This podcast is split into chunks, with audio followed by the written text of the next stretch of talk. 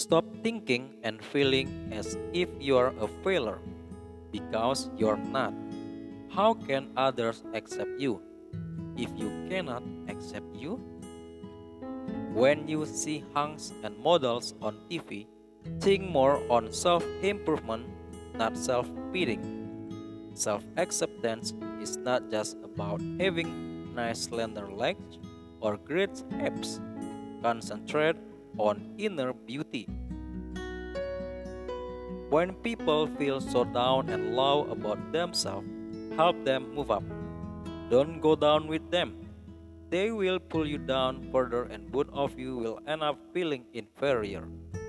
The world is a large room for lessons, not mistakes. Don't feel stupid and dumb forever just because you failed on a science quiz. There's always a next time.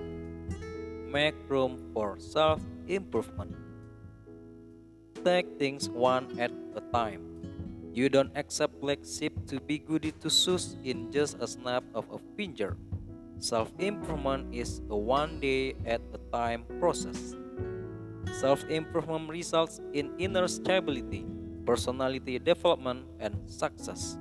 It comes from self confidence self appreciation, and self esteem. Set meaningful and achievable goals.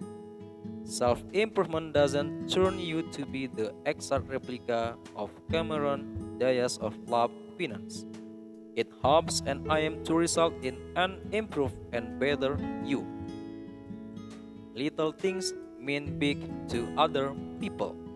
Sometimes we don't realize that the little things that we do like a pat on the back, saying hi or hello, greeting someone good morning, or telling Mr. Smith something like hey, I love your tea are simple things that mean so much to other people.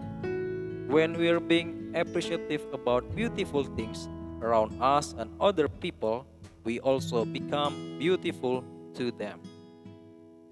When you are willing to accept change and go through the process of self improvement, it doesn't mean that everyone else is.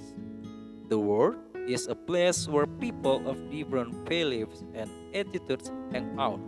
Sometimes, even if you think you and your best friend always like to do the same thing together at the same time, she would most likely decline an invitation for self improvement.